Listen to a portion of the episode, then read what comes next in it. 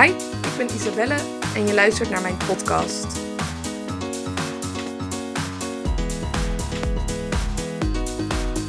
Ik weet nog wel goed, ehm, toen ik ging powerliften, dat ehm, ik een coach ging inschakelen op een gegeven moment. Omdat ik merkte dat ik zelf niet genoeg progressie maakte.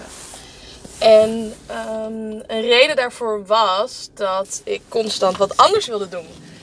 Na een maand of vier of zo, of zes, of een maand of vier, een week of vier, of een week of zes, dat ik uh, besloot om steeds mijn schema om te gooien. Want uh, hè, moest ik weer wat anders doen. Want ja, dit schema was dan wel weer mooi geweest. Ik was verveeld en iets nieuws voelde als iets beters. Dus elke vier à zes weken gooide ik mijn schema om. En um, nou ja, dan ging ik weer hele nieuwe dingen doen. En dan kwam ik daar weer nou op een gegeven moment achter dat, dat het niet helemaal meer werkte voor me. Dus dan deed ik weer wat anders. En uh, hetgene wat uh, ik dus onder andere bij coaching heb meegekregen is: ga nou gewoon consistent hetzelfde doen. En dat voelde zo tegen mijn natuur in. Want ik wilde er alles aan doen wat er voor nodig was om uh, sterker te worden. En ik had het idee dat alles doen wat er voor nodig was, dat dat ook heel erg veel doen was. Dus ik moest gigantisch op mijn eten letten. En ik moest gigantisch op mijn training letten. En van alles gaan micromanagen. Maar in de praktijk viel dat dus heel erg mee. En zoals ik ook al vaker heb verteld, van hè, 80% van het resultaat gaat maar zitten in 20% van je tijd. Maar ik was heel veel bezig met dingen die niet zo heel veel resultaat opleverden. Wat ook weer ten koste ging van de dingen die wel resultaat zouden opleveren. Dus dat stukje constant een nieuw schema, iets nieuws gaan doen, ja, dat speelde bij mij ook wel een hele grote rol. En wat nog meer een hele grote rol speelde, was dat ik hard moest werken en dat ik dan pas resultaat zou krijgen.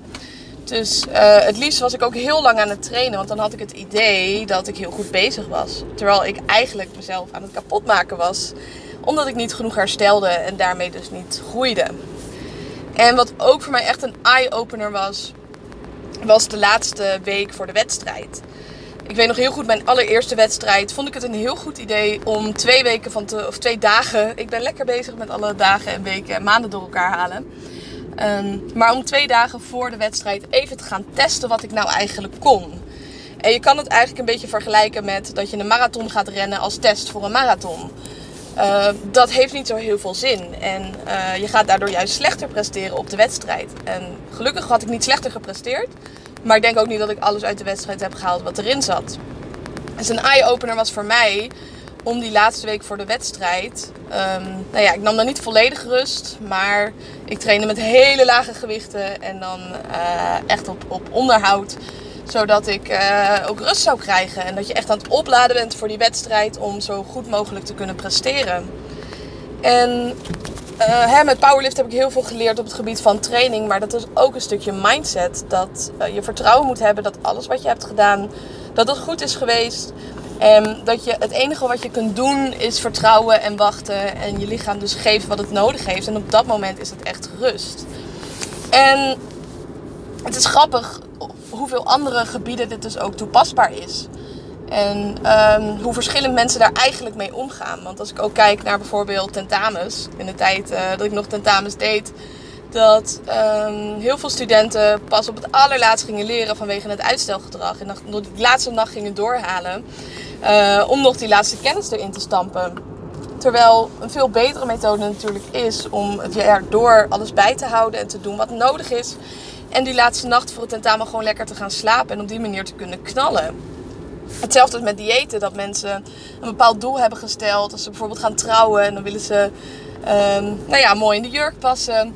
Dat ze pas die laatste week uh, voor de trouwerij erachter komen dat ze eigenlijk niet zo heel veel hebben gedaan daaraan. En dan ineens op crash dieet gaan om uh, er beter uit te zien op de bruiloft. Maar vervolgens zich verschrikkelijk voelen. En dus helemaal niet mooi op de foto staan. Omdat ze zich zo ellendig voelen. En dat zijn allemaal voorbeelden die laten zien van hè, doen wat nodig is. Niet minder, en ook niet meer. Want uh, dat gaat je niet helpen en dat maakt je ook alleen maar meer kapot.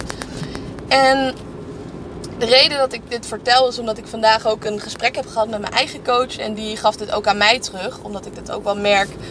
Nog steeds bij mezelf de overtuiging van ik moet heel hard werken en dan heb ik er in ieder geval alles aan gedaan. En dan uh, kan ik tegen mezelf zeggen van het is goed, want ik heb hard gewerkt. Maar dat is niet altijd de enige reden waarom je wel of geen succes hebt.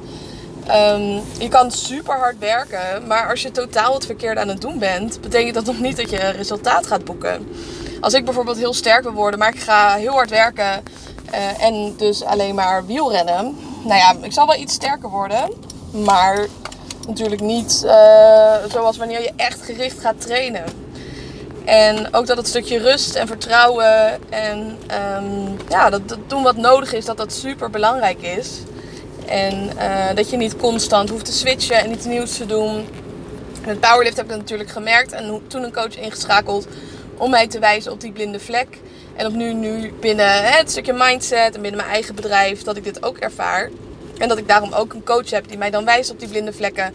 Zodat ik jullie nog beter kan helpen. En uh, dus niet mijn tijd en energie verspil aan dingen die eigenlijk helemaal niet zoveel resultaat opleveren. En die niet zo heel erg belangrijk zijn. En uh, dat dat ook iets is wat ik aan jullie wil meegeven. Om te kijken in je eigen leven van hè, wat ben ik nou aan het doen wat heel veel tijd en energie kost. Maar levert me eigenlijk niet zo heel erg veel op. En om kritisch te zijn van waarom doe ik nou eigenlijk wat ik doe.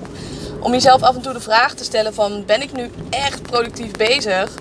Of ben ik alleen maar bezig om bezig te zijn? En zit als het ware een nieuwe comfortzone die je voor jezelf hebt gecreëerd. Omdat het soms heel erg fijn is om bezig te zijn. Zodat je niet ja, aan andere dingen hoeft te denken. Voor heel veel mensen is het super oncomfortabel om even alleen te zijn met jezelf. En met je gedachten en om even niks te doen. Dus heel vaak zijn we ook heel erg bezig om bezig te zijn. En um, nou ja, dan werkt dat op korte termijn om niet alleen met jezelf te hoeven zijn en niet dat oncomfortabele gevoel te ervaren. Maar op lange termijn kost het je heel veel en ga je juist uh, slechter worden in wat je eigenlijk doet. Bedankt voor het luisteren naar mijn podcast. Ik hoop dat ik je even power heb kunnen geven en een inzicht dat je denkt, damn, nu kan ik weer even gaan. Vergeet me niet te volgen op Instagram, isabellelift, of mijn site even te bezoeken, isabelleveteris.com.